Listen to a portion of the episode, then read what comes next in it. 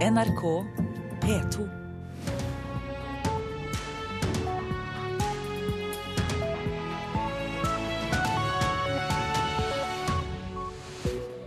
Her ønsker Øystein Heggen deg velkommen til Nyhetsmorgen. Vi har disse sakene. Flere skoler i Oslo skjermer elever for karakterer. Den britiske sikkerhetstjenesten MI5 advarer mot Russland og mener landet utgjør en økende trussel. Her får du også mer om Venstres alternative statsbudsjett, med redusert barnetrygd til familier med god inntekt. Og vi skal høre om en havets delikatesse som myndighetene vil bli kvitt. I Oslo har noen skoler valgt å redusere bruken av karakterer. Hver elev får grundige vurderinger fra lærerne underveis, mens karakterene ikke blir gitt før til jul og til sommeren. Nordberg er en av skolene som forsøker å få fokus bort fra tallkarakterer. Hei, hei, vær så god, sitt ned. Matte står på timeplanen på Nordberg. Vi skal starte med en sånn uh, slags uh, liten testkarakter. Det er en kulturendring på gang i skolen. Fra å dele ut karakterer på prøver gjennom hele året, tester mange nå ut en annen modell. Vi ser at uh, vi er en skole med høytpresterende elever som uh, ønsker å gjøre det bra på skolen, men vi ser at det gjør noen utslag som vi prøver å ta litt tak i. Vi har fokus på vurdering for læring, og ikke av læring. Men de trenger en god respons, god beskrivelse av hvor de er i læringsarbeidet, og ikke minst veldig gode fremovermeldinger på hvordan de skal komme seg videre. Det sier Lise Byom Nilsen, assisterende rektor ved Nordberg skole. Hun understreker at elevene får jevnlige vurderinger fra lærerne, selv om det i noen fag stort sett bare blir karakterer til jul og sommer. Mens Nordberg er i startgropa, har Morellbakken skole rendyrket vurderingsmetoden med minst mulig karakterer i noen år allerede. Elias Auli Huse har delte erfaringer med det. På en måte er det deilig, for da får du ikke hele tiden karakterer. Du trenger ikke å tenke på karakterer hele tiden. Men det blir også litt sånn, du vet ikke nøyaktig hvor du er. Generasjon prestasjon og ungdommer som stresser seg syke. Alarmen har for lengst gått både hos helsepersonell og de som utdanner ungene våre. Rektor Siv Lande ved Morellbakken er klar på at mindre bruk av karakterer er veien å gå. Jeg er helt overbevist om at det er best for elevenes læring. Karakterer bidrar ofte til mer stress hos elevene. Vi tror at, det, at vi ikke bruker karakterer i underveisvurderingen bidrar til at elevene senker skuldrene litt mer, og at det bidrar til en bedre stemning elevene imellom. Det blir ikke konkurranse på den måten som det fort kan bli når det er karakterer, er jo en form for rangering. Det finnes ingen oversikt over hvor mange skoler som velger å dempe karakterbruken. Så lenge lærerne gir karakterer ved termin to ganger i året, står skolene ifølge loven fritt til å velge hvordan de vurderer og gir tilbakemeldinger til elevene underveis. I Oslo er Bjørnsletta og Morellbakken foregangsskoler på området. Begge opplever at stadig flere skoler også fra andre land tar kontakt for å høre om erfaringene deres. Skolene støtter seg på forskning som viser at færre karakterer fremmer læring og et godt miljø. Men for noen elever er sjeldnere karakterer likevel ikke helt uproblematisk. Jeg er ikke så veldig fan av det generelt sett, eh, for jeg liker å på en måte kunne ha oversikt over hvor man ligger an. Da. Og jeg syns det er litt vanskelig å eh, skjønne hva slags karakter man, man ligger på, om man ikke får det andre ganger enn én en gang i halvåret. da sier Lotta Vølmo Øster i 10. klasse på Morellbakken. Du vil jo alltid ha elever som er fornøyd med et karaktersystem og lar seg motivere av det, men vi må også være klar over at for mange elever så vil det å få karakterer bare skape mindre lyst og motivasjon for å lære. Svarer Lise Byom Nilsen ved Nordberg. Hvem er det vanskeligst for å ikke få karakterer gjennom året? Det tror jeg kanskje er foreldrene. For da de tror kanskje at ikke elevene blir eh, vurdert på samme måten, men det gjør de. Altså De blir vurdert på en skikkelig og god måte, og kanskje enda grundigere. Den forsikringen kom fra Siv Lande, rektor på Morellbakken skole på Grefsen i Oslo, og reporter Else Karine Archer. Den britiske sikkerhetstjenesten MI5 advarer mot Russland i et intervju med avisa The Guardian. Russland utgjør en økende trussel mot stabiliteten i Storbritannia, og bruker alle tenkelige midler for å oppnå sine mål. Det sier eh, MI5-sjef Andrew Parker til avisa. Russland bruker alle midler for å påtvinge andre land sin utenrikspolitikk, og dette skjer på en stadig mer aggressiv måte. Det mener MI5-sjef Andrew Parker. Han hevder overfor The Guardian at Russland også har svært mange spioner på britisk jord. Sikkerhetssjefen ramser videre opp noen av Russlands metoder som propaganda, spionasje, undergravende virksomhet og dataangrep. Og ifølge Parker kan det sterke fokuset på islamistisk ekstremisme gjøre britene mer sårbare for undergravende virksomhet fra andre land, og da særlig Russland. Men MI5-sjefen er også bekymret for voldelig ekstremisme, og forteller avisen at det er rundt 3000 voldelige islamistiske ekstremister i Storbritannia. Reporter Tonje Grimstad. Politiet i Göteborg eh, starter drapsetterforskning etter at to menn ble skutt og drept i Vestra Frølunda i går kveld. Ifølge svenske medier skal de døde være to brødre, en i tenårene og en i 20-årene. En moped med to personer skal ha forlatt åstedet, men det er ikke klart om det var de som skjøt. Så hjem igjen til norsk politikk, som vi hørte i Dagsnytt. Venstre vil eh, stramme inn i barnetrygden, vil gi 12 eh, 000 kroner mindre i barnetrygd til en tobarnsfamilie hvor den som mottar barnetrygden tjener over 486 000 kroner. Venstre vil heller gi mer barnetrygd til de med lav inntekt, og samtidig ha minstesatser på sosialhjelp. Jeg tror at eh, de som har best råd, som kanskje ikke merker om det kommer en barnetrygd inn på kontoen, gjerne blir med på det solidariteten det å gi litt av den til dem som har dårligst råd. Og det er jo sånn at eh, det er ikke så mange fattige i Norge at det er ikke en stor belastning på de aller rikeste å være med på den spleisen. For i sitt alternative budsjettforslag, som Venstre og Trine Skei Grande legger fram i dag, står det at barnetrygden bør økes med rundt 6000 kroner per barn for fattige foreldre, og kutte barnetrygden omtrent tilsvarende for foreldre som tjener 486 000 eller mer. Her sørger man for at barn som har dårligst råd, er dem som da får det lille ekstra. Og så tror vi at både det å senke skatten til alle vil være med på å bidra til at det blir mer lønnsomt å jobbe. Og så har vi sosiale ordninger som skal bidra til at det gir handlingsrom også for dem som ikke kommer seg ut i arbeidslivet. Samtidig vil Venstre ha minstesatser på sosialhjelp. Venstrelederen har klokketro på at bedre råd vil føre flere ut i arbeid. Dette foreslår Venstre stort sett i alle budsjetter. Vi har slitt med å få gjennomslag for det, men vi kommer til å kjempe videre, for vi vet at det er veldig målretta. Og forskerne sier at dette er det som skal til for å løfte folk ut av fattigdom. Men du har ikke noe tro på at du får det til med forhandlingene med regjeringspartiene og KrF? Jeg har ikke gitt meg på noe ennå. Ja, det sa Trine Skei Grande, leder i Venstre, reportere Trond Lydersen og Halvard Norum. Og Venstres alternative budsjett eh, kan kanskje bli vesentlig i denne politiske høsten, Håvard Grønli? Ja, det er vel ganske sikkert det. Venstre er avgjørende når regjeringa skal skape et budsjettflertall, og nettopp derfor er det en del spørsmål å stille Venstre-lederen. Trine Skei Grande kommer til Politisk kvarter, og i dag har jeg lyst til å pirke litt i realismen i forslagene deres, enten det nå gjelder fattigdomssatsinga som vi hørte om her, eller det grønne skiftet. Og det er i Politisk kvarter, som eh, du kan høre på de kanalene her, P2 og Alltid nyheter, om en drøy time. Så til det avisen er opptatt av. Erna Solberg mener menn kommer lettere til toppjobben i næringslivet. I Dagens Næringsliv eh, er statsministeren kritisk til rekrutteringsprosessen i børsnoterte selskaper. Ofte når man ser beskrivelsen av hva som skal til, kan man mistenke at det er bestemt hvem som skal få jobben, sier Solberg.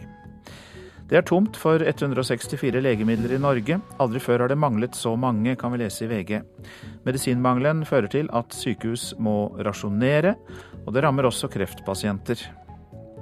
Helsekøene skal kuttes med fritt behandlingsvalg, men på ett år har bare 979 pasienter brukt denne ordningen, får vi vite i Bergens Tidende.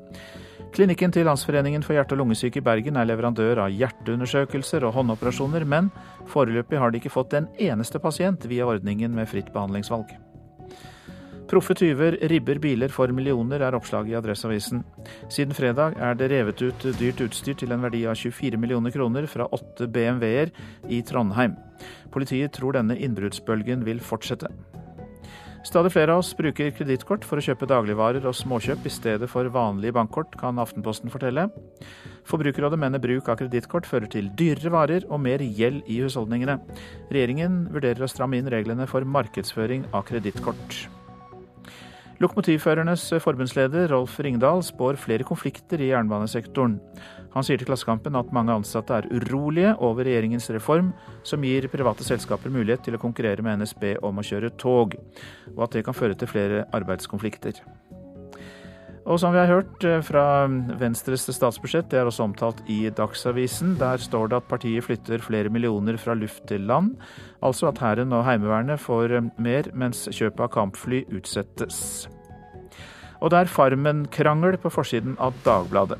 Laila Lockert sier hun følte seg mobbet av meddeltakerne i TV-programmet, og er sjokkert. Mens Lasse Bergsæter sier han meldte seg på Farmen for å bli husket, og da må man skape litt leven, sier han. Nå om tenniskometen Kasper Ruud. Det meste har jo gått veien for han, men likevel så jobber han fortsatt knallhardt med mental trening. 17-åringen har klatret mange plasser på verdensrankingen, men er forberedt på at det kan komme motgang. Jeg har jobbet mye med det mentale og fått eh, forbedret meg der en del sier Kasper Ruud, for tenniskometen har tatt et solid byks på rankinga det siste året. Men selv om mye har gått veien for 17-åringen, så har han også jobba mye med å takle motgang. Jeg har lest litt bøker, og så har jeg en trener som hjelper meg. Jeg får god hjelp av Erik Bertan Larsen, som eh, også har hjulpet andre idrettsutøvere og vet hva det handler om. Så han, han er veldig flink, og han har fått, uh, fått meg til å bli fra en liten 14-åring som var litt grinete til å bli eh, litt mer tøff. og det trengs, for selv om pila i det store og hele har pekt oppover for tennistalentet i det siste, har unggutten som nå er renka som nummer 233 i verden, et godt stykke å gå. Allikevel er pappa og trener Christian Ruud, som selv var i verdenstoppen i tennis, imponert over den mentale styrken sønnen har vist i det siste. Har liksom flyten og prøver liksom å tenke positivt, selv om de matchene ikke går alltid riktig vei. Men stort sett så er han jo ganske flink på det.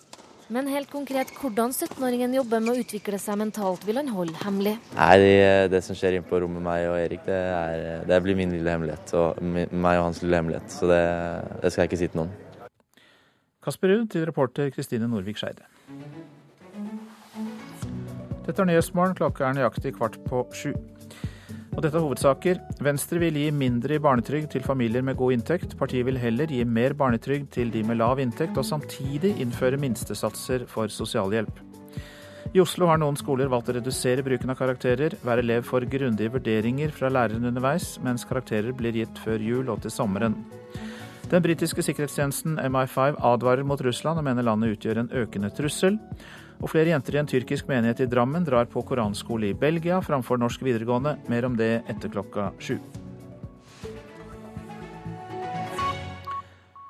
Nå til en delikatesse som myndighetene helst ønsker å bli kvitt. Stillehavsøstersen invaderer norskekysten der den ødelegger badestrender, truer lokale arter og påvirker økosystemer. I høst begynte Statens naturoppsyn med å plukke områder helt rene for stillehavsøsters, og det har vært en krevende jobb.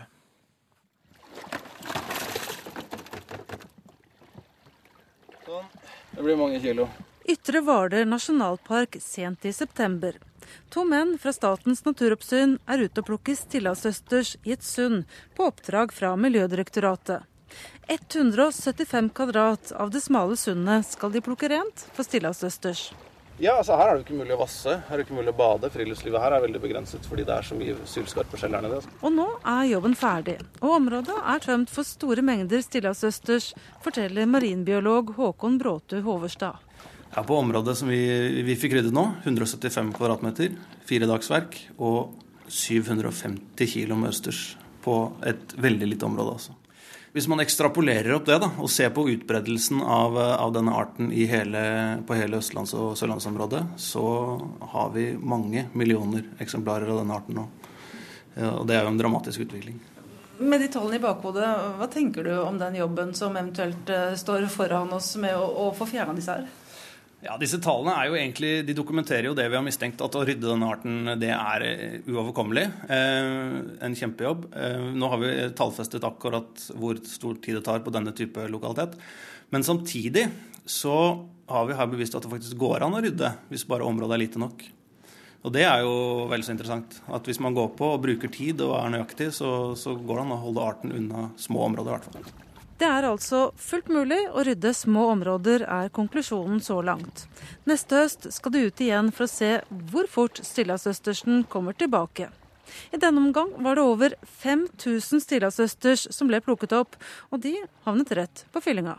Ja, vi, vi, hadde jo disse opp i en stor sekk som Skjærgårdstjenesten var hentet for oss, og fraktet eh, rett og slett til eh, Frevar og forbrenning. Eh, vi har ikke noe annet system for dette. Det er ikke godkjent som næringsmiddel. Eh, og det var jo en trist sorti, for å si det sånn, for, for ressursen. Men dette må gjennom næringsmiddelkontroll før vi kan bruke det, og det har ikke vi, har ikke vi på stell nå. Det er nok mange som river seg litt i håret av det, men uh, i et forsøksprosjekt så ble dette løsningen. Og vi håper jo at uh, vi får det på stell til senere prosjekter, så vi kan bruke ressursene. Og Neste høst skal eh, Statens naturoppsyn tilbake for å kontrollere disse områdene og sjekke om østersen er kommet tilbake. Reporter Heidi Gomnes. En fastlege i Sarpsborg er tiltalt for grovt bedrageri av 7,8 millioner kroner. Ifølge tiltalen skal han ha krevd refusjon for pasientbehandlinger han ikke har gjennomført, og for laboratorieprøver som ikke ble tatt. Politiet mener bedraget har pågått over flere år, forteller politiadvokat Jan Skei. Fastlegen selv mener alle refusjonskrav er berettiget, og nekter straffskyld, ifølge hans advokat. Bjørgvin bispedømme søker ny sogneprest, men homofile og ugifte kan trolig se langt etter jobben. I utlysningen står det at søkernes samlivsform kan bli vektlagt. Ifølge diskrimineringsloven er det ikke tillatt å forskjellsbehandle folk pga. legning, men kirken har fortsatt lov til å avvise folk fordi de er homofile.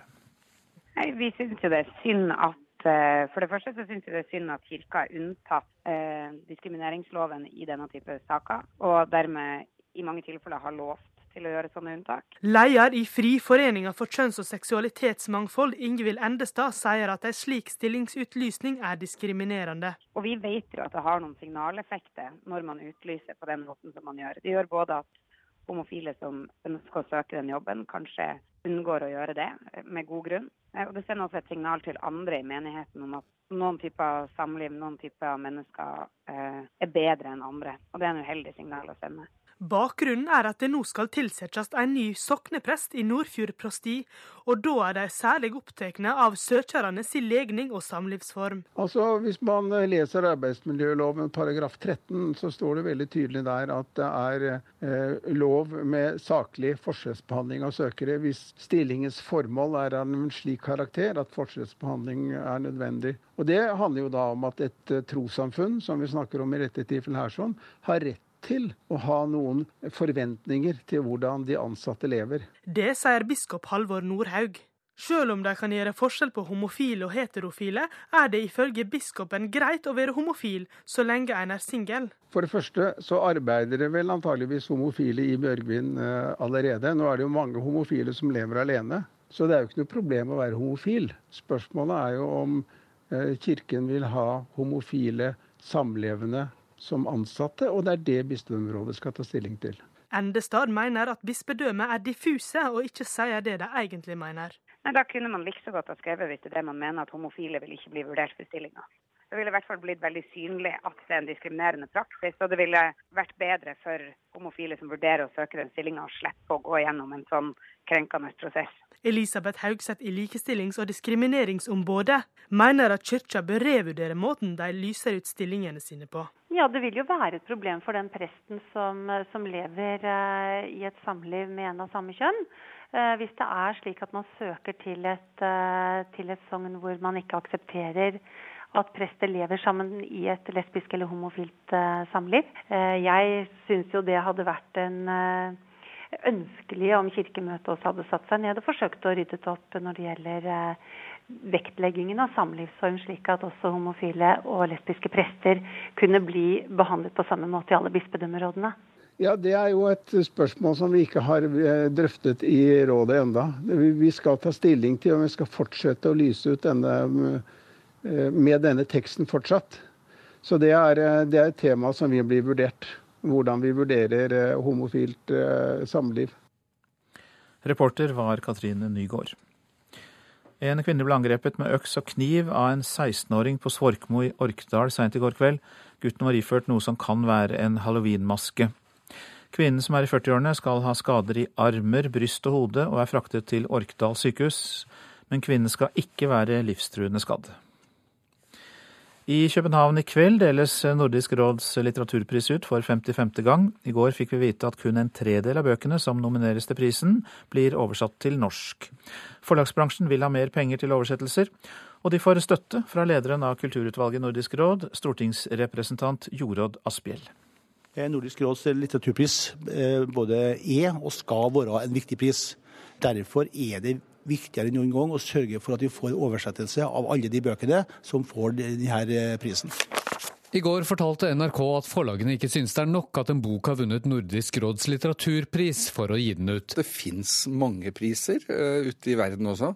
Mange av dem prestisjetunge så det holder. Faktisk er det så få som en tredel av de prisnominerte bøkene som er gitt ut i Norge de ti siste årene. Og kanskje enda mer oppsiktsvekkende, selv vinnerbøkene til blant andre Jon Fosse og Per Petterson har ikke kommet ut på alle de nordiske språkene. Det er naturlig at man kan jo da spørre seg om den har gått ut på dato. Sa nestleder i Kritikerlaget og litteraturkritiker i VG, Sindre Hovdenak, til NRK i går. Prisen ble jo etablert i en tid da man var veldig opptatt av eh, nordisk kultursamarbeid. Eh, den interessen er nok ikke like sterk lenger. Det mangler vilje i de nordiske landene til å satse på denne prisen, i den forstand at man at det ikke ligger noen økonomiske forpliktelser uh, i systemet til at man skal hjelpe disse titlene videre inn på det felles uh, nordiske bokmarkedet.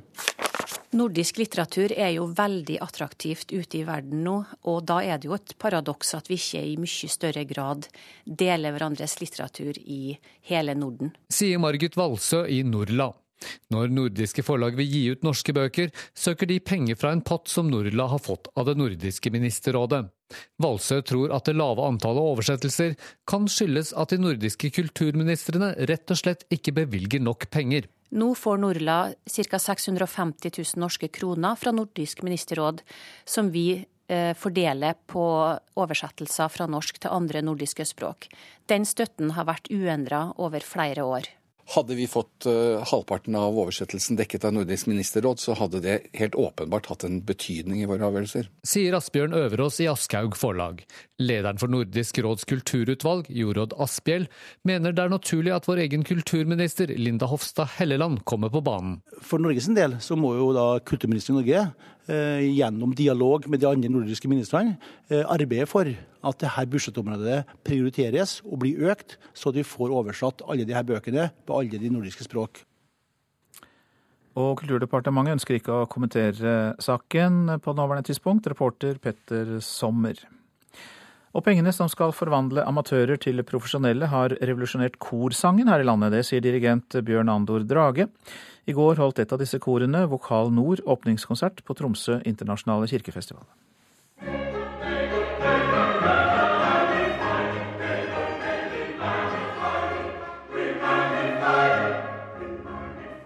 Det klinger godt når Vokal Nord holder konsert i Trondenes kirke i Harstad. Lørdag holdt de konsert her, og i går åpningskonserten under Tromsø internasjonale kirkefestival.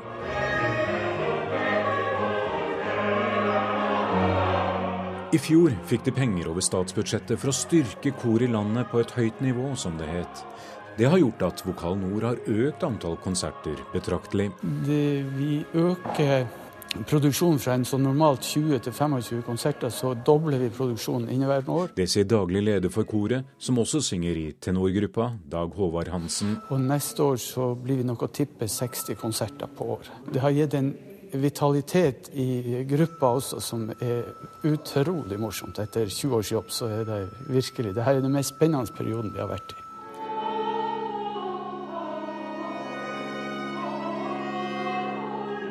Konserten i helga blir gjort med musikere, også de av høy klasse. Mange med utgangspunkt i Nord-Norge. Det hele ledet av organist og dirigent Bjørn Andor Drage. Og for ham er det moro å jobbe med sangere som ikke kun har dette som hobby, men er betalte sangere. Det er akkurat det der at man nå får gjort ting et, eh, med et kor med en kvalitet som man nesten ikke finner annerledes enn på plate. Og det, det er denne landsdelen. Det er jo rett og slett eh, en revolusjon, det som har skjedd nå i Norge, at man har fått norske kor opp på dette nivået. Det er mange som synger i kor her i landet, og Vokal Nord skal være en spydspiss for dette miljøet for å få opp kvaliteten. Det betyr at amatørkor omkring kan leie mestersangere fra Vokal Nord. Dette er en, egentlig en modell som vi har stjålet litt fra landsdelsmusikerordninga, sånn som hun var når den kom. Eh, og det vil si at De sangerne vi har, skal kunne tilbys for en, en, rabattert pris rundt omkring. Hvis det er sånn at et, et kor trenger styrke bassrekka si eller sopranrekka si, så er det en mulighet også å ta kontakt med oss, og, og så skal vi kunne hjelpe. Har det vært stort behov for det? Nei, foreløpig er det den første starten vi får på det, men vi har ikke gått ut aktivt med det hele. Men første starten vi får på dette, vil være Eh, kommende vinter, hvor, eh, hvor, vi skal leie ut eh, dobbeltkvartett osv. til en produksjon.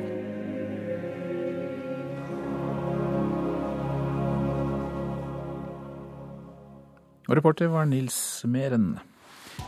Værvarselet. Sør-Norge skyet og perioder med nedbør, men på Sørlandet og sørlige deler av Telemark ventes det sol. Og fra i ettermiddag stikker solen fram også andre steder i Sør-Norge, men ikke rundt Mjøsa og nordover mot eh, Trøndelag. Der blir det fortsatt nedbør. Det blir nordvest stiv kuling utsatte steder på kysten av Vest-Agder og Rogaland. Nordland skyet vær, lokalt litt regn eller snø sør for Vestfjorden. Troms pent vær, kort og godt. Finnmark en del skyer, øst i Finnmark litt regn eller sludd, særlig da i ytre strøk. Spitsbergen enkelte snøbyger i nord og vest, ellers stort sett opphold.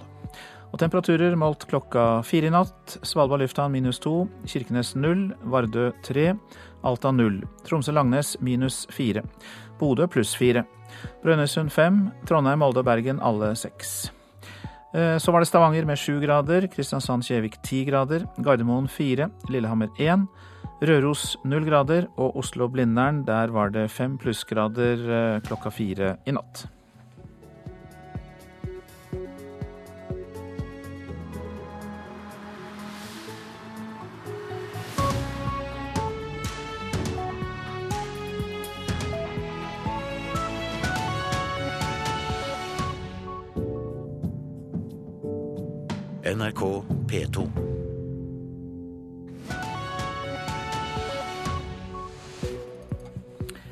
Nyhetsmorgen fortsetter med disse sakene. Forsikringsbransjen sjekker alle dekk etter ulykker. Her får du høre hva granskningene kan fortelle. For som vi hørte i Dagsnytt, dårlige dekk bidro til 17 eh, dødsulykker på veiene i fjor. Flere jenter i en tyrkisk menighet i Drammen drar på koranskole i Belgia framfor norsk videregående. Og hva er bakgrunnen for den nye e-posttrøbbelet som rammer Hillary Clinton? En sexskandale der også, kan tidligere USA-konsponent Joar Hoel Larsen fortelle. Slitte og feilmonterte dekk var en medvirkende årsak til 17 dødsulykker i fjor. Det viser altså Vegvesenets gransking av alle ulykkene. Ikke på flere år har dårlige dekk ført til så mange ulykker, sier avdelingsdirektør Guro Ranes i Vegdirektoratet. Ja, dekk er en av de tingene som vi ofte ser uh, har avgjørende betydning for om det blir en uh, dødsulykke eller ikke. Uh, og vi ser det særlig i vintermånedene. Det er ofte mer enn én grunn til alvorlige ulykker i trafikken. Men i fjor var altså feil med dekkene på bilen en av grunnene til 17 dødsulykker, som kosta 18 mennesker livet. Andelen dødsulykker der dårlige dekk er ei forklaring, har økt de siste årene. Sommerdekk på vinterføre eller nedslettende dekk er vanligst. Men dekkene må monteres rett òg, sier Ranes. Særlig vinterdekk har rotasjonsretninger på hjula, og da er det viktig at man setter høyre hjul på høyre side og venstre hjul på venstre side. Hvis ikke så klarer ikke dekkene å, å skyve unna slaps og snø på riktig måte. Og da blir det som å flyte oppå, da. Eh, og da har man ikke kontroll. På Vianors dekkverksted på Storo i Oslo må kundene trekke kølapp om dagen. Det er mange som skal ha vinterhjul på bilen samtidig. Med godt verktøy gjør proffene jobben unna på noen få minutter, og Marit Nensæter syns det er godt å få hjelp. Det er fordi jeg ikke klager det selv, så det betaler jeg gjerne for å få gjort. sånn trygghet i det, da? Ja, det er trygghet i. Det er det. Sommerhjulene tas av Volvoen, og nestleder på verkstedet, Jan Erikstad, sier at de duger til sommeren òg. Jo, disse her er fine. Vi anbefaler 4 mm. Den her ligger på en, rundt 7 mm, tenker jeg. Det var bra stand. Det var veldig godt å høre. Det er viktig med gode dekk. Det er ikke alle dekkene dere får inn som er så bra? Åh, det er mye dårlig. Veldig mye dårlig. Folk eh, tenker ikke helt på sikkerheten på dekket i det hele tatt. Personbiler og andre lette kjøretøy skal ha vinterdekk med ei mønsterdybde på minimum 3 mm. Verkstedet her anbefaler minst 4 mm, men det hender at folk kommer og vil ha lagt på dekk som har atskillig mindre enn det. Nei, Vi sier fra til alle som har dårlig dekk, og hvis det er under millimeter, som er grensa, så setter ikke vi det på. For det er som å sette på brukte bremser på en bil. Det hender det ofte? Ja, det hender ofte. Så ofte folk bare drar herfra. Med uforretta sak? Ja. Bilen til Marit Nensæter er ferdig. Nå er vinterdekkene på, så nå er jeg klar for snøen og tur på fjellet. Og det var Kjartan Røslett som var på dekkverksted. Jon Berge, velkommen hit. Takk. Du er informasjonsdirektør i If, og eh, dekkbruken interesserer jo selvfølgelig også dere i forsikringsbransjen. Og dere sjekker vel faktisk hvilke dekk som er brukt eh, etter eh, at det har vært ulykker? Ja, det vi gjør er at vi ser på de bilene som kommer inn, og ser hva type dekk de har hatt. Om de har hatt sommerdekk eller piggfrie eller piggdekk i løpet av, vinteren når de har vært involvert i ulykke. Sist vinter så viser de helt ferske tallene at 10 av ulykkesbilistene hadde sommerdekk i fjor vinter, altså de bilene våre som var involvert i ulykker. Og Dette har vi gjort i mange år, og det har variert mellom 10 og 15% og det syns jeg altfor mange. Ja, men det er likevel lov å ha sommerdekk på vinteren? Ja, vi har sagt en del år at vi vil ha et påbud eh, å ha vinterdekk. Norge er et vinterland, og det må en ta inn over seg, synes jeg. Eh, det har vært mange politiske diskusjoner om det, og det har ligget på samferdselsministerens bord et år også, men blei til slutt stoppa. Og jeg syns det er uforståelig, fordi land rundt oss vi kan sammenligne oss med, ja, de har påbud om vinterdekk. Ja, Hva er argumentasjonen for å ikke påby vinterdekk? Nei, det heter seg at den skal være skodd tilstrekkelig i kjøretøyforskriften, og det skal være tilstrekkelig. Men nå viser jo 17 alvorlige ulykker, altså dødsulykker, pluss mange mange andre uhell, store kostnader materielt, men også for samfunnet generelt, at det holder ikke. Så jeg håper at dette kan bli tatt opp igjen. Er det variasjon rundt i landet? Ja, det varierer. Eh, Der det er liksom mest av og på vinter, er kanskje folk dårligst. Slik det var sist vinter, så var det Vestlandet og Sørlandet som var dårligst. Eh, I Vest-Agder så var det hele 16% av ulykkesbilene som ikke hadde vinterdekk. Altså de hadde sommerdekk på gjennom hele vinteren. Folk gambler rett og slett på at det går bra. Og jeg frykter nå at det vil øke, fordi eh, vintrene blir jo mildere, det merker alle. Og da er det kanskje flere som tar sjansen på at de slipper å skifte. Gjelder den undersøkelsen eh, dere har gjort eh, både vanlige personbiler og tunge kjøretøyer? Ja, nå er det eh, personbiler jeg snakka om her, Ja. men det gjelder også tunge kjøretøy. Det gjelder også busser, lastebiler, varebiler, og de tar de omtrent like. Jeg syns nesten det er enda mer skremmende, for den kraften lastebiler og busser har i trafikken er helt enorm, og det kan skade veldig mange. Ja, eh, Er det noen av de også som kjører på sommerdekk? Det er det. Eh, 10% cirka av våre varebiler, busser og lastebiler vi undersøkte i fjor, hadde sommerdekk gjennom vinteren. Og så, eh, Dette er jo for så vidt ille nok, men i tillegg så er det kanskje også andre typer dekkfeil da, enn det at mønsteret er dårlig? Ja, Det er mange typer feil. Folk kjører jo ofte for lenge med dekk. Vi hørte det også i reportasjen her. Når vinterdekka er en tre-fire år gamle, da bør en tenke på å skifte deg ut. Vi har laga noe som heter Dekkutfordringen på nettsidene til LIF, der folk kan gå inn og teste og skrive om dekka sine. Nå har over 70 000 nordmenn tatt den dekkutfordringa, og den viser nå at én av fire nordmenn, 25% kjører rundt med dekk som er tre-fire år gamle på vinteren. Det betyr at alle deg bør sjekke dekka sine og bytte deg ut neste vinter. Er deg i tvil, så ta kontakt med verkstedet, så kan han hjelpe deg. Men det er mange gamle dekk her. Ja, Men hvis mønsteret er bra, er ikke det ok da å ha Nei, litt gamle dekk? Ja, altså Gummien blir for hard og skifter karakteristikk, sånn at den blir like glatt som, eh, ja, som is. Takk skal du ha for disse informasjonene, Jon Berge, som altså er eh, informasjonsdirektør i eh, If.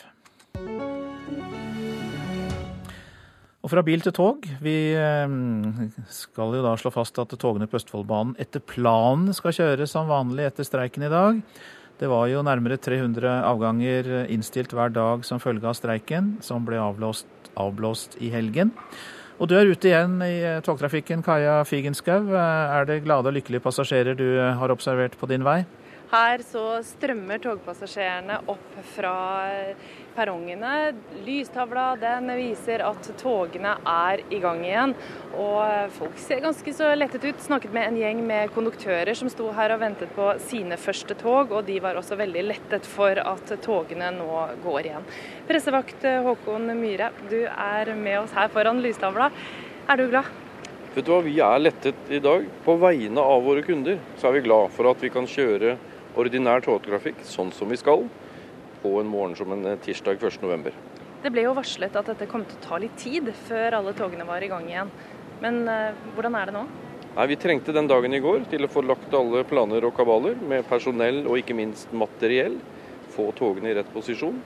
Eh, og jeg tror det er ett tog eller én avgang i løpet av hele dagen i dag som vi har måttet innstille pga. at vi ikke er ferdig. Men resten, altså de alle, alle andre avganger, går som det skal.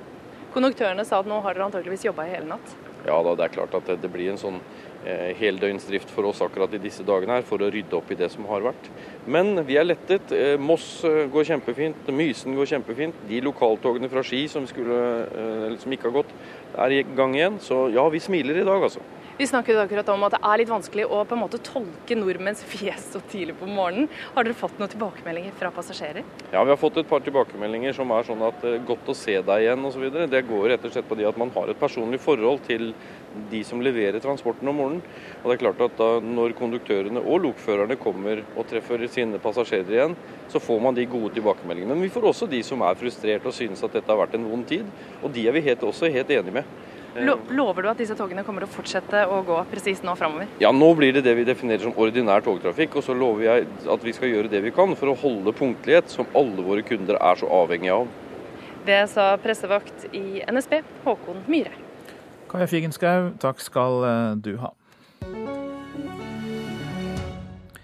Flere tenåringsjenter i den tyrkiske menigheten Det islamske kultursenter i Drammen sendes på koranskole i Belgia framfor å starte på videregående skole etter 10. klasse. Menigheten hevder selv at det bare er for ett år. Men det er uheldig, mener norsk-tyrkiske Gylsan Øsalp, som har jobbet i 20 år som lærer. For det første så er det jenter som eh, er i en alder hvor de trenger å være hos sine foreldre i nære, kjente, trygge omgivelser. For det andre så frarøves de muligheten til å gå på videregående skole. Jeg syns også det er uheldig av den grunn at fokus hos disse jentene og de som sender dem, er livet etter døden. De skal tjene livet etter døden, og da blir utdannelse og det å klare seg i samfunnet mindre viktig.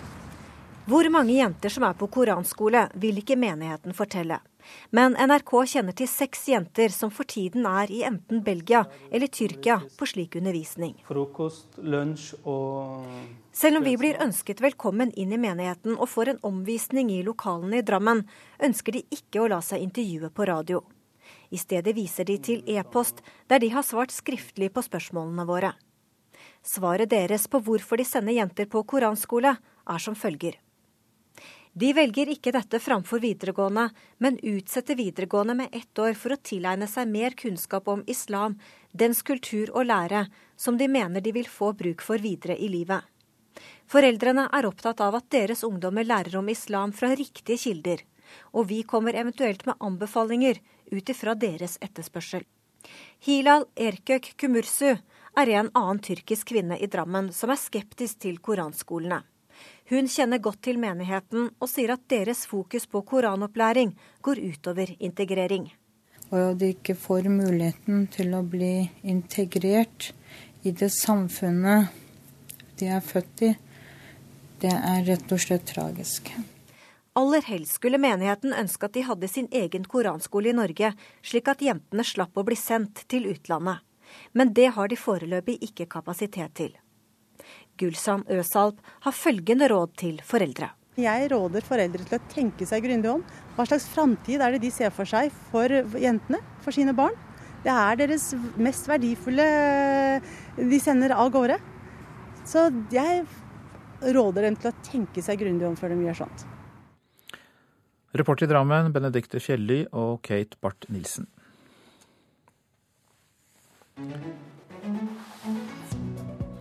Klokka går mot eh, kvart over sju. Dette er hovedsaker.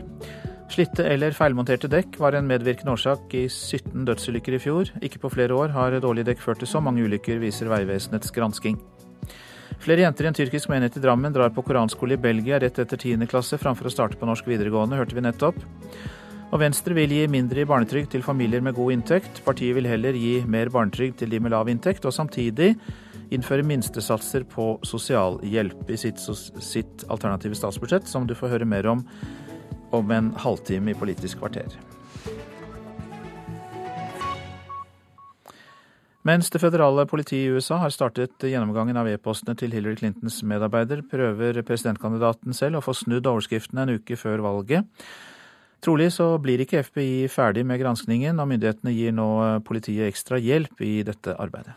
I am sure they will reach the same conclusion they did when they looked at my emails for the last year. There is no case here. Trygg på at FBI ikke vil avdekke noe nytt, sier Hillary Clinton at det er ingen sak her. Demokratenes presidentkandidat fortsetter valgkampinnspurten som om ingenting har skjedd, bortsett fra at hun har begynt å nevne e-postskandalen i talene sine. Med gruvereferanser kaller Donald Trump FBIs funn en gullåre, eller jackpot. Han forteller sine støttespillere at han tror FBI har funnet alle de 33 000 e-postene som ble slettet fra Clintons private server. Men Clinton forsøker også å vri oppmerksomheten over på sin rival. Den republikanske presidentkandidaten som ennå ikke har offentliggjort skatteoppgjøret sitt, og som ifølge Clinton har tvilsomme forbindelser til Russland. Donald Trump should immediately disclose all of his ties and connections to the Kremlin and its associates. Hun mener amerikanerne fortjener å vite om Trumps russiske kontakter, siden russerne angivelig har blandet seg inn i det amerikanske valget. Clinton går også etter hans temperament og sier at en som kan la seg tirre av en tweet, ikke kan lede en atommakt. A man you can bait with a tweet is not a man we can trust with nuclear weapons. Men foreløpig er det e-postskandalen som overskygger, og det føderale politiet får hun trolig ikke hjelp av før presidentvalget om en uke. Kilder sier til CNN at FBI-sjefen ikke kommer til å si noe før granskningen er ferdig. I et brev til kongressmedlemmer som reagerte på FBI-sjefens utydelige skriftlige orientering, svarer Justisdepartementet at de nå samarbeider tett med FBI. Målet er å få analysert e-postene og kunne komme med en avklaring så raskt som mulig, heter det. Søndag fikk FBI rettens godkjenning til å gå gjennom e-postmaterialet som tilhører Clintons nære medarbeider Oma Abedin. FBI har tatt i bruk en ny programvare som enkelt skal skille ut e-poster som er kopier av allerede gjennomgåtte meldinger. Den jobben kan bli ferdig allerede i dag. Programmet skal også klare å søke opp om eventuelle andre e-poster inneholder graderte opplysninger, skriver New York Times, men det vil ta lengre tid å gå gjennom dem og kontakte relevante departementer for å få klarhet i klassifiseringen. Det er flere hundre tusen e-poster på datamaskinen som Abedin delte med sin nå fraseparerte ektemann Anthony Weiner, men eh, bare en mindre del som tilhører henne, ifølge avisa. Det FBI nå ser etter, er om materialet inneholder bevis på at noen forsøkte å skjule disse eller andre e-poster fra Clintons private server. Oma Abedin har sagt at hun har overlevert alle sine e-poster til FBI for flere måneder siden, og ifølge advokatens uttalelse i går kveld visste hun ikke at e-postene hennes også fantes på parets felles datamaskin. FBI har ennå ikke kontaktet Abedin, ifølge advokaten. Om de nye e-postavsløringene gir utslag i presidentvalgkampen, får vi greie på om en dag eller to. I dag varierer gjennomsnittsmålinger fra litt over tre til nærmere fem prosentpoengs ledelse for Clinton. 538 beregner hennes vinnersjanser til 75% en uke før amerikanerne avgjør valgkampen. Anders Tvegård, Washington. Ja, se det. Da er det to nye navn vi må lære oss. Anthony Wiener og Yuma Abedin, Joar Hoel Larsen. Hva er bakgrunnen for at de er involvert her? Ja, for dette er et, eh, dette er et par, adskillig yngre enn Clinton-paret. altså Hun er vel 40 og han er 50. Men de har stått nokså sentralt i demokratisk eh, politikk. Hun som en veldig nær rådgiver for Hillary Clinton i en årrekke. Han har vært eh, aktiv i New York-politikken. Han har sittet i Kongressen i tolv år. Han har et par mislykkede forsøk på å bli borgermester i New York. Eh, så har han også gjort andre ting som ikke er eh, kanskje like politisk interessante, men som er mye mer forsideinteressante for tabloidene. Ja, for det er en sexskandale som lurer i bakgrunnen her? Ikke? Ja, og det er ikke bare én. Uh, han bokstavelig talt ble da tatt med buksene nede, ikke minst fordi at han hadde tatt bilder av seg selv med buksene nede, som han hadde da sendt til intetanende kvinner som ikke satte pris på denne kontakten. Uh, de bruker jo nå i amerikanske medier ikke tekstmeldinger, men sextmeldinger. Eh, og det har han da bedrevet i ikke stor stil, men, eh, men større enn en mann i hans posisjon burde. Men denne siste saken, som har ført til opprullingen av disse angivelige e-postene, som man jo fremdeles ikke vet noe om, det er fordi at han skal ha drevet eh, en slags fjernsex på nett med en 15 år gammel pike i North Carolina. Og det er jo ikke bare smakløst. det kan være direkte kriminelt hvis han blir funnet skyldig. Og det er jo i etterforskningen i den saken at politiet har da vært inne på denne eh, datamaskinen som dette ekteparet eh, hun tok ut separasjon da denne siste saken ble kjent. Men, men det er der de også har kommet over noen eh, Clinton-e-poster som har gjort at denne sexetterforskningen mot eh, Wiener er koblet opp mot eh, e-post praksisen til Hillary Clinton mens hun var utenriksminister. Sakene har ingenting med hverandre å gjøre i det hele tatt, men de ligger altså på samme, på samme server. Trøst og bære, vil jeg si. For her er det jo snakk om altså seksuelle overgrep eh, som kan ha blitt begått eh, på internett. Og så dukker det da noen nye computere opp der det kan være Clinton e-poster. Det, det, er det saken dreier seg om nå? Det er det saken dreier seg om. Poenget her er jo da faktisk at, som vi hørte Hillary Clinton sier, det er ingen sak, det fins ingenting, er da hennes nokså offensive forsvar. Mens, eh, som vi hørte, hennes motstander mener at dette er selve hovedåren, dette er det store gullfunnet, som han har etterlyst gjennom hele valgkampen. Hvor nært er forholdet mellom Hillary Clinton og Wieners fraseparerte kone, altså Uma Abedin? Det er faktisk veldig nært. Hun traff Hillary Clinton først, helt på tampen, eller da, da, da Hillary Clinton var eh, first lady, altså mens Bill Clinton var president. Oma Abedin hun var da ung student i, um, i Washington, gikk på et prestisjeuniversitet der. Var såkalt intern i Det hvite hus og ble en assistent for Hillary Clinton i 96 så har de holdt kontakten. Hun har vært eh, assistent for Hillary mens hun var senator. Hun har vært en nær medarbeider og rådgiver da Hillary Clinton var utenriksminister. Hun har langt på vei vært en slags privatsekretær. Og nå er hun veldig sentral i, i valgkampen til Hillary Clinton. Og da disse to giftet seg, eh, Wiener og Abdin, da, da, sto, da var det Clinton-paret. Det var Bill som var en slags uh, juridisk uh, formidler av det legale der. Mens Hillary uttalte at uh, hun har én datter. Hadde hun hatt to, så skulle den andre da vært Oma Abedin. Slik at det er et nært faglig, men også et veldig nært personlig og privat forhold mellom de to damene. Og så er det også laget en dokumentarfilm om Anthony Wiener. Vi har vel ikke tid til å gå dypt inn i den, men den avslørte jo også at han hadde sin Eh, uvanlige øyeblikk da han prøvde å bli ordførerkandidat i New York? Ja, og Det uvanlige ved det er jo at dette har han vært med på. Han vet hva de har tatt opp. Han har for så vidt spilt seg selv, kan man si, i denne dokumentaren. Eh, den hadde premiere på Sundance-festivalen i januar og har nå vært vist på TV. Der kommer det, som du sier, frem veldig mange rare sider ved denne mannen. Og det mest underlige er at han har godkjent det. Takk skal du ha, Joar Hoel Larsen. Dette bare fortsetter. Og det er jo da én uke til valget, er det ikke det? da? Det er én uke i dag, slik at da slipper vi å spekulere mer. Da vil det foreligge et fasitsvar om åtte dager. Da sitter vi her og vet det den dagen etterpå, nemlig på onsdagen. Så til det avisen er opptatt av her hjemme. Erna Solberg mener menn kommer lettere til toppjobben i næringslivet. I Dagens Næringsliv er statsministeren kritisk til rekrutteringsprosessen i børsnoterte selskaper. Ofte når man ser beskrivelsen av hva som skal til, kan man mistenke at det er bestemt hvem som skal få jobben, sier Solberg. Det er tomt for 164 legemidler i Norge. Aldri før har det manglet så mange, kan vi lese i VG. Medisinmangelen fører til at sykehus må rasjonere, og det rammer også kreftpasienter. Helsekøene skal kuttes med fritt behandlingsvalg, men på ett år har bare 979 pasienter brukt ordningen, får vi vite i Bergens Tidende. Klinikken til Landsforeningen for hjerte- og lungesyke i Bergen er leverandør av hjerteundersøkelser, og foreløpig har ikke de fått en eneste pasient via fritt behandlingsvalg. Proffe tyver ribber biler for millioner, er oppslaget i Adresseavisen. Siden fredag er det revet ut dyrt utstyr til en verdi av 24 millioner kroner fra åtte BMW-er i Trondheim. Politiet tror denne innbruddsbølgen vil fortsette. Stadig flere av oss bruker kredittkort for å kjøpe dagligvarer og småkjøp, kan Aftenposten fortelle. Forbrukerrådet mener bruk av kredittkort fører til dyrere varer og mer gjeld i husholdningene. Regjeringen vurderer å stramme inn reglene for markedsføring av dem.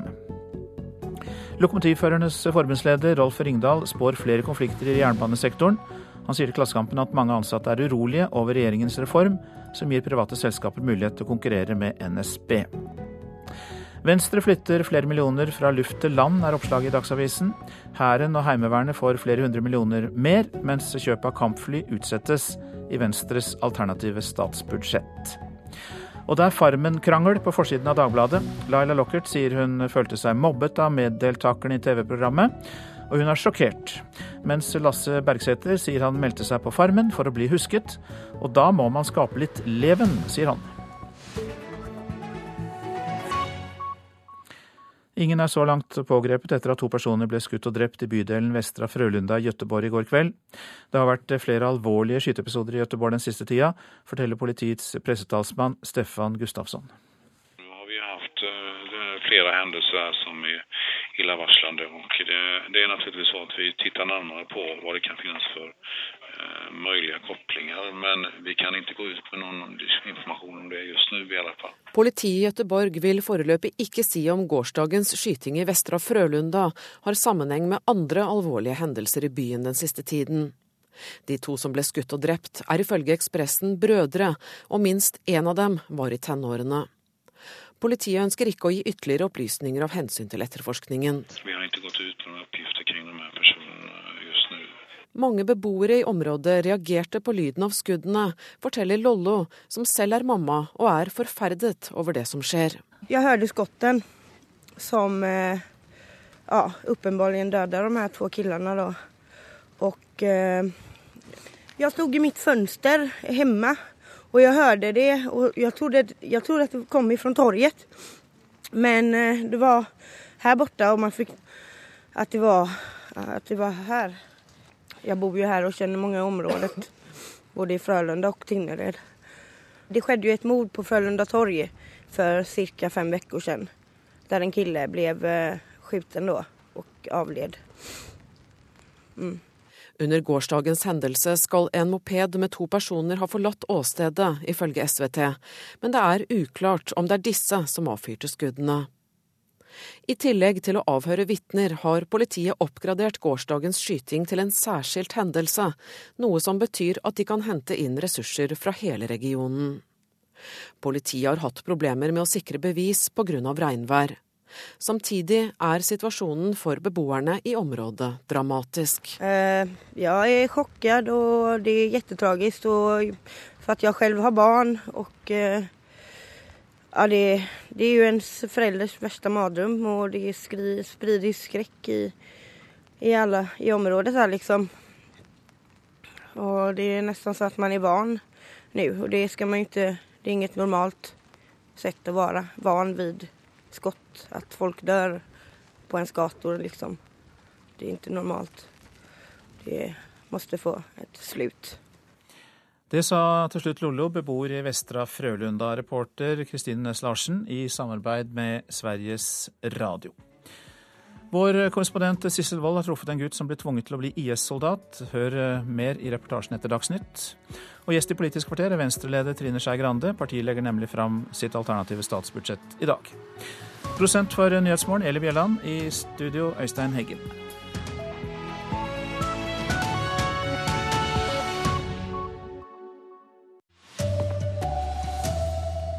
Dårlige dekk bidro til 17 dødsulykker på norske veier i fjor. FBI blir trolig ikke ferdige med etterforskningen mot Clinton før presidentvalget om en uke. Og Venstre vil kutte i barnetrygden til familier med god råd. Her er NRK Dagsnytt klokka 7.30. Slitte eller feilmonterte dekk var en medvirkende årsak i 17 dødsulykker i fjor. Det viser Vegvesenets gransking av alle ulykkene med dødelig utgang. Ikke på flere år har dårlige dekk ført til så mange ulykker som i fjor, sier avdelingsdirektør Guro Ranes i Vegdirektoratet. Ja, dekk er en av de tingene som vi ofte ser uh, har avgjørende betydning for om det blir en uh, dødsulykke eller ikke. Det er ofte mer enn én grunn til alvorlige ulykker i trafikken. Men i fjor var altså feil med dekkene på bilen en av grunnene til 17 dødsulykker som kosta 18 mennesker livet. Andelen dødsulykker der dårlige dekk er ei forklaring, har økt de siste årene. Sommerdekk på vinterføre eller nedslettende dekk er vanligst. Det blir som på en måte vannplaning. Da. Du sklir oppå den eh, slaps eller snøen som er, og, og har mister kontrollen over bilen. På Vianors dekkverksted på Storo i Oslo må kundene trekke kølapp om dagen. Med godt verktøy gjør proffene jobben unna på noen få minutter, og Marit Nensæter syns det er godt å få hjelp. Det er fordi jeg ikke klarer det selv, så det betaler jeg gjerne for å få gjort. sånn trygghet i det, da? Ja, det er trygghet i. Sommerhjulene tas av Volvoen, og nestleder på verkstedet, Jan Erikstad, sier at de duger til sommeren òg. Jo, disse her er fine. Vi anbefaler 4 millimeter. Den her ligger på en, ja, rundt 7 mm, tenker jeg. Det var bra stand. Det var veldig godt å høre. Det er viktig med gode dekk. Det er mye dårlig.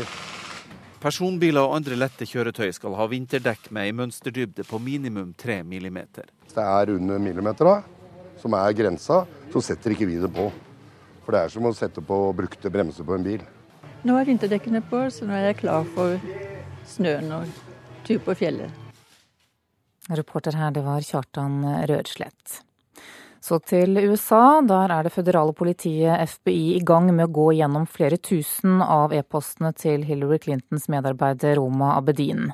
Fredag i forrige uke ble det kjent at det var funnet flere e-poster fra Clintons tid som utenriksminister. Clinton har bedt om at e-postene granskes for å vise at det ikke har skjedd noe ulovlig, men det er små muligheter for at det kommer til å skje før valget om en uke. FBI har tatt i bruk en ny programvare som enkelt skal skille ut e-poster som er kopier av allerede gjennomgåtte meldinger. Den jobben kan bli ferdig allerede i dag. Programmet skal også klare å søke opp om eventuelle andre e-poster inneholder graderte opplysninger, skriver New York Times, men det vil ta lengre tid å gå gjennom dem og kontakte relevante departementer for å få klarhet i klassifiseringen. Det er flere hundre tusen e-poster på datamaskinen som Abedin delte med sin nå fraseparerte ektemann Anthony Weiner, men eh, bare en mindre del som tilhører henne, ifølge avisa. Det FBI nå ser etter, er om materialet inneholder bevis på at noen forsøkte å skjule disse eller andre e-poster fra Clintons private server. Oma Abedin har sagt at hun har overlevert alle sine e-poster til FBI for flere måneder siden, og ifølge advokatens uttalelse i går kveld visste hun ikke at e-postene hennes også fantes på parets felles datamaskin. FBI har ennå ikke kontaktet Abedin, ifølge advokaten. Om de nye e-postavsløringene gir utslag i presidentvalgkampen, får vi greie på om en dag eller to. I dag varierer gjennomsnittsmålinger fra litt over tre til nærmere fem prosentpoengs ledelse for Clinton. 538 beregner hennes vinnersjanser til 75% en uke før amerikanerne avgjør valgkampen. Anders Tvegård, Washington. Over til deg, utenriksmedarbeider Joar Hoel Larsen. Vi hører altså at Clinton fortsatt ligger godt an på målingene. Hvorfor ser det ikke ut til at denne saken får, får større konsekvenser for henne nå? Ja, for det så må vi ta forbehold for at det kan jo synke inn, uh, som Tvegård sier, om en dag eller to. Uh, men på den andre siden så tror jeg akkurat i øyeblikket så er det få som husker den første debatten mellom de fem presidentkandidatene fra Demokratene i oktober i fjor. Da fikk Bernie Sanders spørsmål om disse e-postene og denne serveren til Hillary Clinton.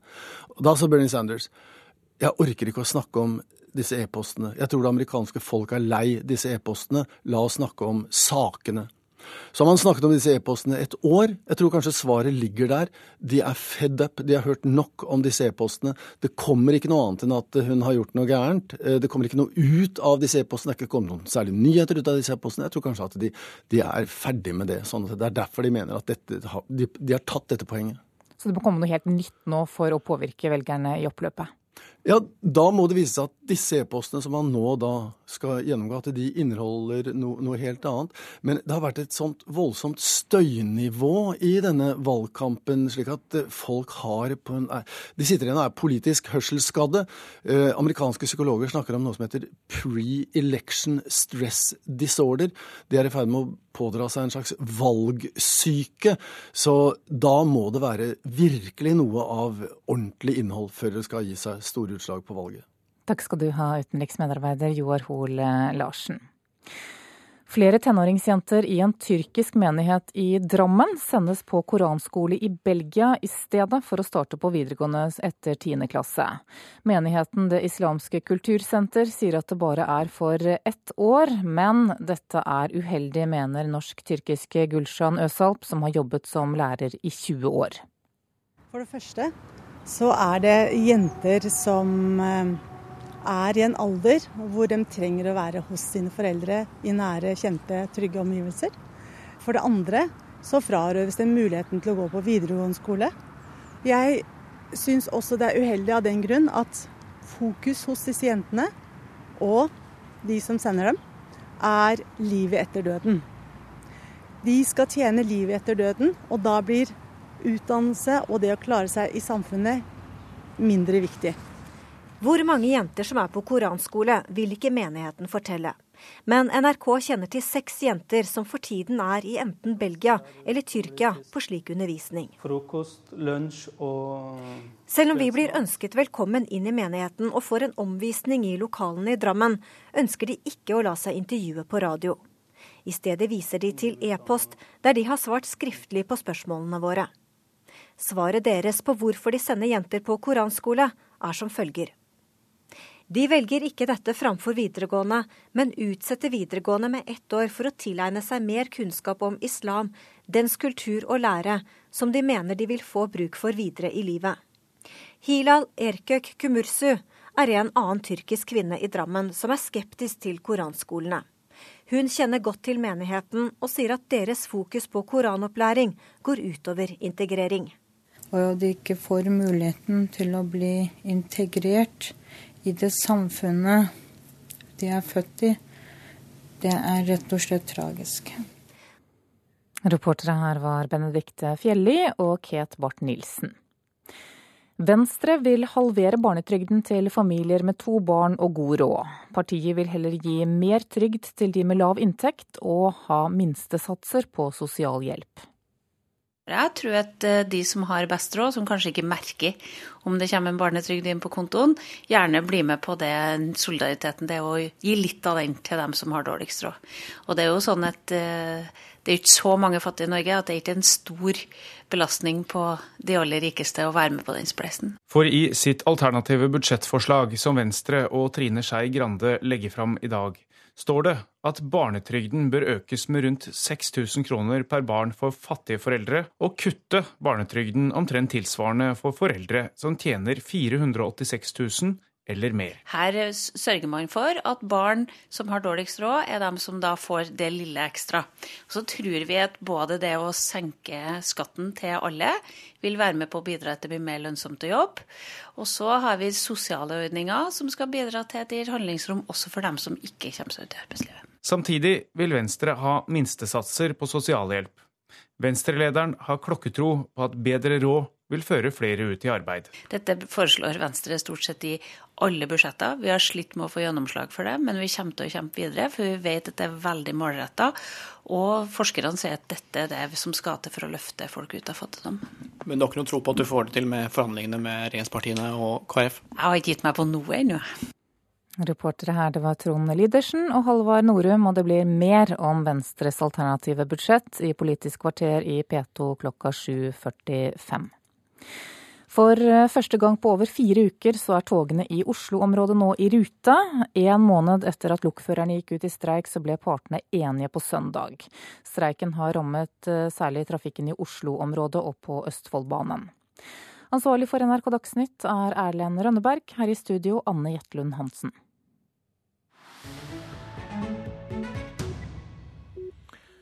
Og dette er eh, Nyhetsmorgen. Jesidiene er en liten religiøs sekt IS har behandlet svært brutalt. Da IS tok kontroll over landsbyene deres på Sinjarfjellet i Irak, skilte de kvinner fra menn. Alle gutter mellom 8 og 16 år ble trent opp til å drepe ikke-muslimer. Vår korrespondent Sissel Wold har truffet en av guttene som ble tvunget til å bli IS-soldat. Livet før IS kom til landsbyen vår var normalt. Vi barna kunne leke. Men IS ødela alt. De snudde allting på hodet. De gjorde livet vårt til et helvete. Ahmed Amin Koro er 16 år og er fra en jesidi-familie. Han ser både eldre og yngre ut enn alderen sin. Av vekst er han liten og tynn, mer som en 14-åring. Han går rundt litt krumbøyd, litt som en gammel mann. Ansiktet hans har et trett drag, slik barn som har hatt det mye vondt, har. Nå sitter vi i teltet han bor i, i en leir for jesidier som har rømt fra IS. Vi er i Nord-Irak, ikke langt fra byen Dahuk. Ahmed er et barn som ikke har fått være barn eller tenåring på to år. Skolegangen hans ble byttet ut med en treningsleir der IS-krigere lærte dem å halshugge folk. Ahmeds brune øyne er dønn alvorlige når han forteller sin historie. Den første dagen Daesh kom til Sinjar, sa de til oss vi skal ikke skade dere, bare ta ned de hvite flaggene og sette opp IS-flaggene i stedet, ikke vær redde for oss. Ahmed husker den dagen veldig godt. Familien hans ante uråd, de fryktet IS' egentlige planer. Koro-familien ville rømme og søkte tilflukt hos en mann de kjente, en som het Najdi Amin. Kom til meg, hadde han sagt, jeg skal passe på dere. Men han forrådte dem for penger. IS-folk kom til Najis hus og drepte 21 mennesker i Ahmeds storfamilie. IS arresterte alle som forsøkte å rømme. De satte strips på mennene og førte dem bort. Så skilte de kvinnene fra oss barna og vi tenåringer ble tatt med til en skole, sier han. Sammen med 200 andre gutter fra 8 til 16 år ble han sendt til en treningsleir. Jesidi-guttene ble tvunget til å lese Koranen og konvertere til islam. De lærte å bruke våpen for å bli IS-soldater. De lærte å bruke kniv for å halshugge folk. IS ville at de skulle vende seg mot sine egne. De sa at nå er dere muslimer, nå må dere drepe alle som ikke er muslimer. IS-soldatene krevde at jeg fortalte dem hvor en jente som heter Shirin, er. Da Ahmed ikke ville si hvor hun var, ble han hengt opp i en takvifte. De pisket ham og ga seg ikke før han hadde fått 250 piskeslag. Han orket nesten ikke mer, men likevel fortalte han ikke hvor venninnen Shirin var.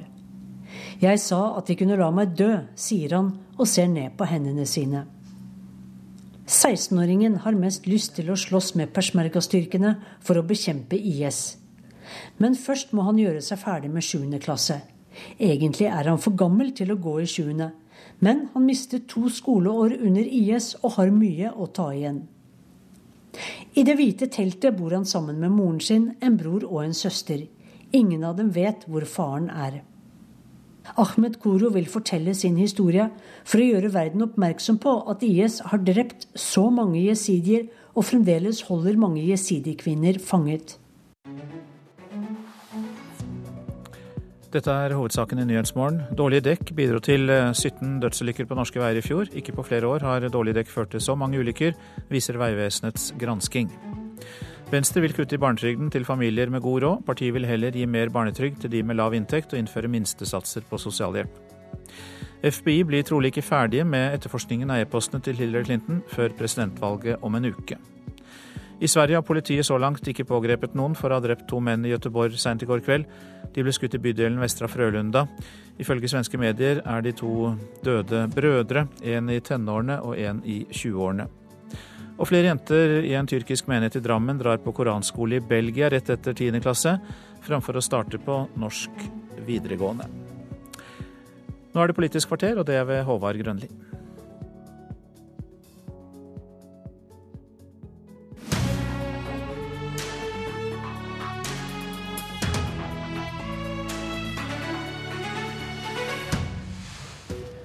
Grønne ultimatum og gradert barnetrygd.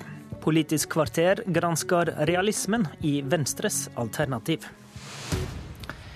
Velkommen til denne sendinga, der vi også skal høre fra en av de som heller ser at LO blir delt, enn at organisasjonen hans vedtar vern av havområdene utenfor Lofoten. God morgen, Trine Skei Grande. God morgen. Dere foreslår i Venstres alternative statsbudsjett som dere legger frem i dag, å gradere barnetrygda, slik at de som tjener lite, får 500 kroner mer i måneden, og de som tjener over halvmillionen, får 500 mindre. Hva problem løser det? Jo, i dag har vi 80 000 unger som eh, er fattige. Eh, vi vet at eh, de 500 kronene kan bety den, den store forskjellen i en, i en, familie som har skikkelig dårlig råd. Mens det i mange familier der må huske på at barnetrygd vurderes ut fra én inntekt, så det er oftest mors inntekt som er grunnlaget. Så hvis én mors inntekt tjener da over 482 000, så, så mener vi at det kanskje er mulig å gjøre et solidaritetsgrep der man tar fra dem som har aller mest, og gir de, den 500-lappen til dem som har minst. Men hvorfor skal det gi meg lyst til å jobbe?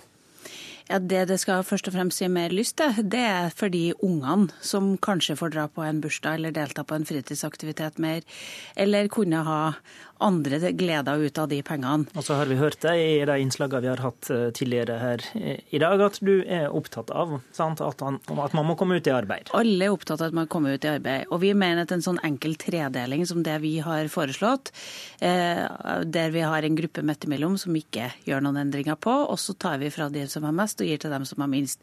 Denne 500-lappen kommer verken til å hindre yrkesdeltakelse per måned, men det kommer til å føre til at veldig mange familier har bedre råd til å gjøre ting de har lyst til. Har du tenkt over dilemmaet med at du kan straffe en småbarnsforsørger som klarer å øke inntekta si, med at en kommer over en terskel, og så mister en? Overføringer? Ja, sånn må man alltid eh, se på denne type terskler. Men jeg mener at det viktige her det å si at vi gjør en solidaritetshandling med den omprioriteringa. Vi vil først og fremst nå barn. For det du har sett på fattigdomsutviklinga i Norge de siste årene, at det har gått en bevegelse fra at før var det pensjonistene våre som hadde skikkelig dårlig råd. Nå er det unger, unge voksne og enslige forsørgere som er i den gruppa som har dårlig råd. Eh, og jeg mener jo at vi politikere kan ikke bare sitte og se på at 80, 80 000 unger har vokst opp i sånne familier. Da må vi prøve noen omprioriteringer. Dette er ett av de mange forslagene vi legger fram. Vi omprioriterer ca. 3,4 milliarder vi på en sånn fattigdomspakke, først og fremst retta mot barn.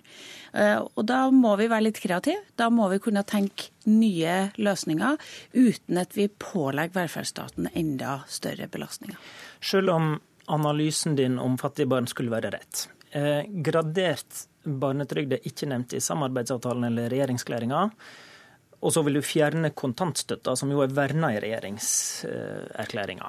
Eh, dette er jo mer prinsipielle spørsmål enn at en bare kan møtes sånn på midten i en budsjettforhandling. Fins det da noe som helst realisme i å skulle få gjennom dette? Ja, Det som f.eks. har stått i samarbeidserklæringa, men som regjeringa aldri har levert til Stortinget, men som vi har måttet forhandle inn, er jo det vi nå får til med gratis kjernetid til, til, til unger i barnehage, og for, differensiert foreldrebetaling også i barnehage for å få unger i barnehage. Som tross alt er det viktigste. Ok, Da er det kanskje en viss realisme i det, da, men barnetrygd og kontantstøtte ja, og har du ikke noe støtte for? En av de tingene vi foreslår nå, er jo en inntektsgradering også på SFO. Eh, det står i samarbeidsavtalen, men regjeringa har ikke lagt det fram. Så det er veldig mye av disse barnefattigdomstiltakene som ikke regjeringa har brydd seg om å legge fram, så selv om det har stått eller ikke stått i samarbeidsavtalen, men vi har fått igjennom gjennom forhandlinger likevel. Så det er realistisk å få til sånne omprioriteringer. Det er et engasjement rundt det bordet for fattige barn, men vi vet at det er ofte Venstre og ofte også KrF som må legge fram de tiltakene, og da har vi fått flertall for dem. Okay. Skal vi spille litt budsjettrock? Gjerne.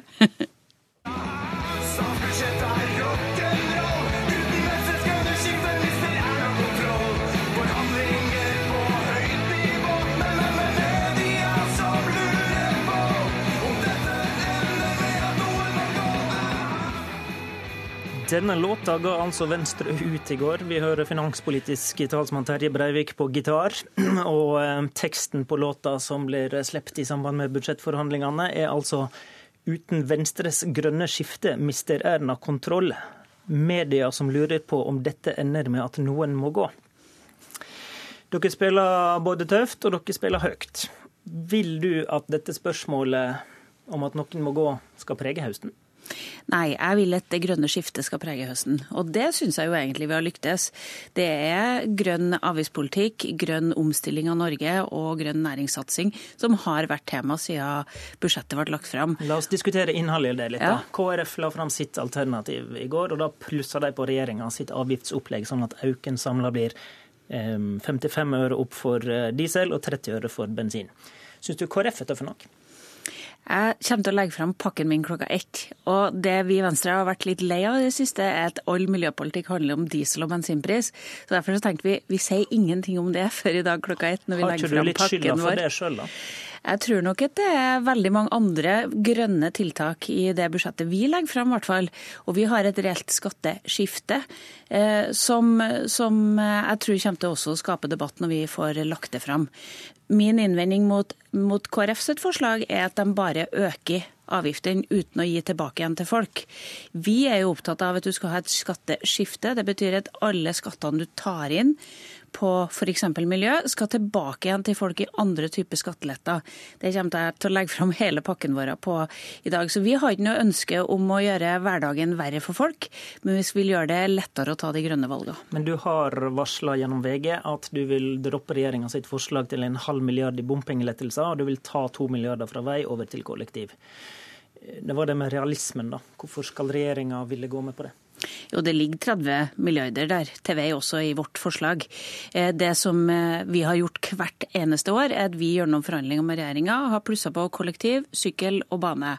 Eh, Og det kommer vi helt sikkert til å få til gjennom budsjettforhandlinger nå, det er jeg ganske sikker på. Men du hører hvor ultimat de uttaler seg fra regjeringshold? Ja, og da håper jeg at alle ultimatene står like sterkt. Fordi at både finansminister og statsminister lova oss å legge fram et budsjett som både inneholdt det grønne skatteskiftet, men som, og som også sørga for at vi fikk ordentlige kutt. For det er det som vi er opptatt av. Vi må ha skikkelige kutt i klimagassutslippene, sånn at vi når Parisavtalen. Det er vårt formål. Men hvis de ikke går med på den flyttinga av penger som du vil ha der, da, eh, og, og din definisjon av grønt skatteskifte, og Arbeiderpartiet gjør som de nå har signalisert, legger fram et alternativt budsjett som både øker avgiftene mer og gir mer utslippsreduksjon. Jeg er Hva gjør du da? Jeg er veldig for at Arbeiderpartiet legger fram et budsjett eh, der de begynner å ta klima og miljø på alvor, selv om jeg merker meg i media at de sier at de, motivasjonen deres er for å lage trøbbel på borgerlig side. Jeg tror jo at det er på borgerlig side vi kan klare å få til disse skiftene, men da må regjeringa legge fra USA ultimatumene. De er en mindretallsregjering. Vi begynner ikke dette med ultimatum. Vi begynner med å holde de lovnadene vi har gitt til hverandre, og de har lova oss et budsjett med både skatteskifte og med, med kutt i klimagassutslippene. Og da er det sånn at eh, jeg tilgir dem at de ikke klarer å legge det fram sjøl, men da må vi få det til gjennom forhandlinger. OK, det finnes tilgivelse. Men hvis ikke, da? Kan du utløse ei regjeringskrise på dette budsjettet? Jeg tror ikke at Erna har lyst til å gå på klima- og miljøsaken, så jeg, mitt utgangspunkt er at det, det skal hun slippe å gjøre, bare hun leverer gjennom budsjettet. Og i verste fall, kan du utløse en regjeringskrise på dette budsjettet? Da skal jeg gjenta at det har jeg ikke lyst til. Eh, Men det er klart at vi må ha et budsjett som vi skal kunne stå i, og som eh, oppnår de målsettingene som våre velgere som har sendt oss på Stortinget, sier at vi skal oppnå. Men hvis utgangen eh, på dette blir at du mener regjeringa har brutt den avtalen dere gjorde i budsjettet i fjor, hva handlingsalternativ ser du da? Det er mange handlingsalternativ. Det er åtte partier på Stortinget, så, så det er det også. Og det kan også være, være andre løsninger inn på, på borgerlig side, men jeg har ikke noe lyst til å spekulere i de ulike løsningene. Det er det dere har kommentatorer for i NRK. Ja, men Nå var ikke de her nå, akkurat nå, skjønner du, så da må jeg basere meg på dem. Jeg lurer, jeg lurer også på i forlenging av det, da, har du som mål at Frp skal kaste kortene? Eh, Vi har sagt hele tida at vi har ønska oss en høyre-sentrumsregjering. Jeg tror det har vært best både for, for de sakene som vi kjemper for, som skole, kunnskap og småbedrifter og, og miljø. Eh, Det er det Venstre sitt ønske å få til, at vi klarer å få til en sånn eh, regjering. Nå er det sånn at Erna valgte Frp og ikke sentrum når hun valgte å lage regjering. Og jeg hadde lova velgerne at en, et borgerlig flertall skulle gjøre en borgerlig regjering. Og jeg er opptatt av at de setningene vi lover folk at vi skal gå til valg på, det skal vi holde også gjennom perioden. Ok, men jeg skal konkretisere spørsmålet enda litt mer, da. Eh, siden du peker på et eh, høyre-sentrumsalternativ her nå. Har du som mål at Frp skal kaste korta i budsjettprosessen i høst? Jeg har ikke som mål at noen skal kaste korta, jeg har bare som mål at vi skal få til et grønt budsjett. Ok, det var så langt vi kom, tror jeg. Jeg skal stille et spørsmål til slutt før du går ut døra. Eh, Og jeg lurer på, eh, Hva syns du om at det er kreftig LO som vil verne havområder utenfor Lofoten? Jeg syns det er fantastisk. Jeg ble så kjempeglad når jeg hørte at det er i ferd med å skje en endring også innenfor eh, LO sitt fagforeningssystem. Og jeg syns jo at det er en erkjennelse av at, eh, at vi må rigge et arbeidsmarked for framtida. Og at vi må rigge arbeidsmarked som skaper arbeidsplasser som blir varig fremover. Og det kan vi ikke bare basere oss på oljen. Det tror jeg de fleste har skjønt. Vi skal snakke litt mer om det, men takk til deg, Trine Skei Grande.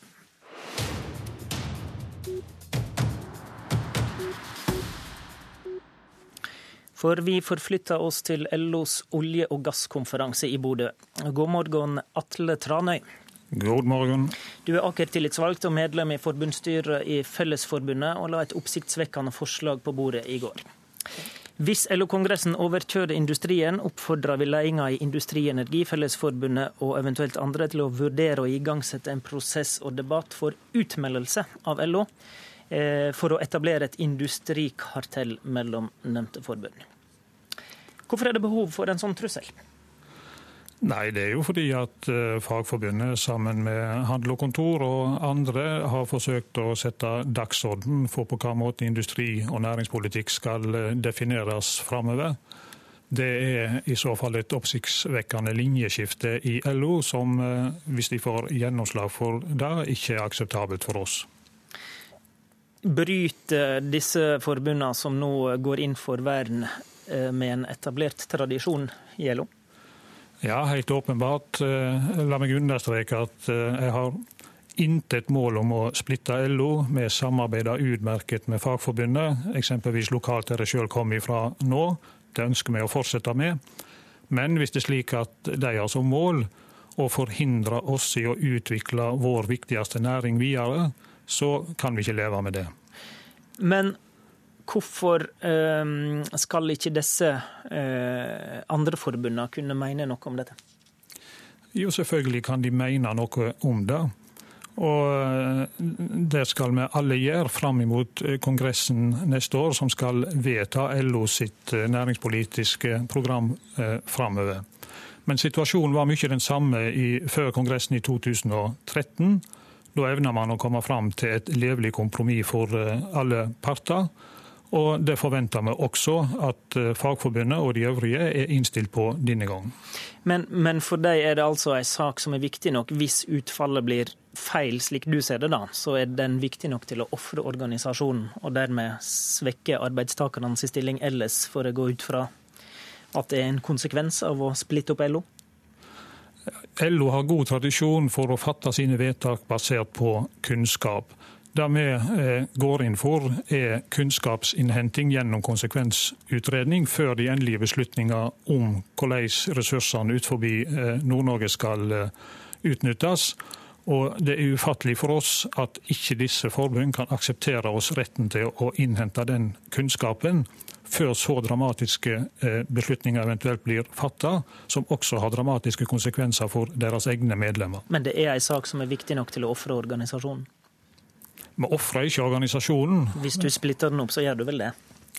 Nei, altså da skaper vi et uh, nytt og sterkere alternativ for de som jobber for uh, en fortsatt næringspolitikk for uh, nasjonen, som er, er, viktig ikke bare for våre medlemmer, men også for Fagforbundet og de øvrige forbundene som nå truer med den type vedtak sine medlemmer, og for nasjonen ellers. Fagforbundet og de øvrige skylder jo alle våre 10 000 medlemmer Eh, en forklaring på på hva måte de har tenkt å håndtere konsekvensene av sitt eh, eventuelle standpunkt på Kongressen.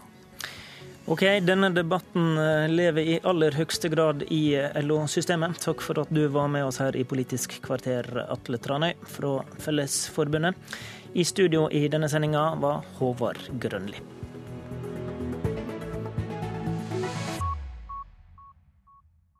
Hør flere podkaster på nrk.no podkast.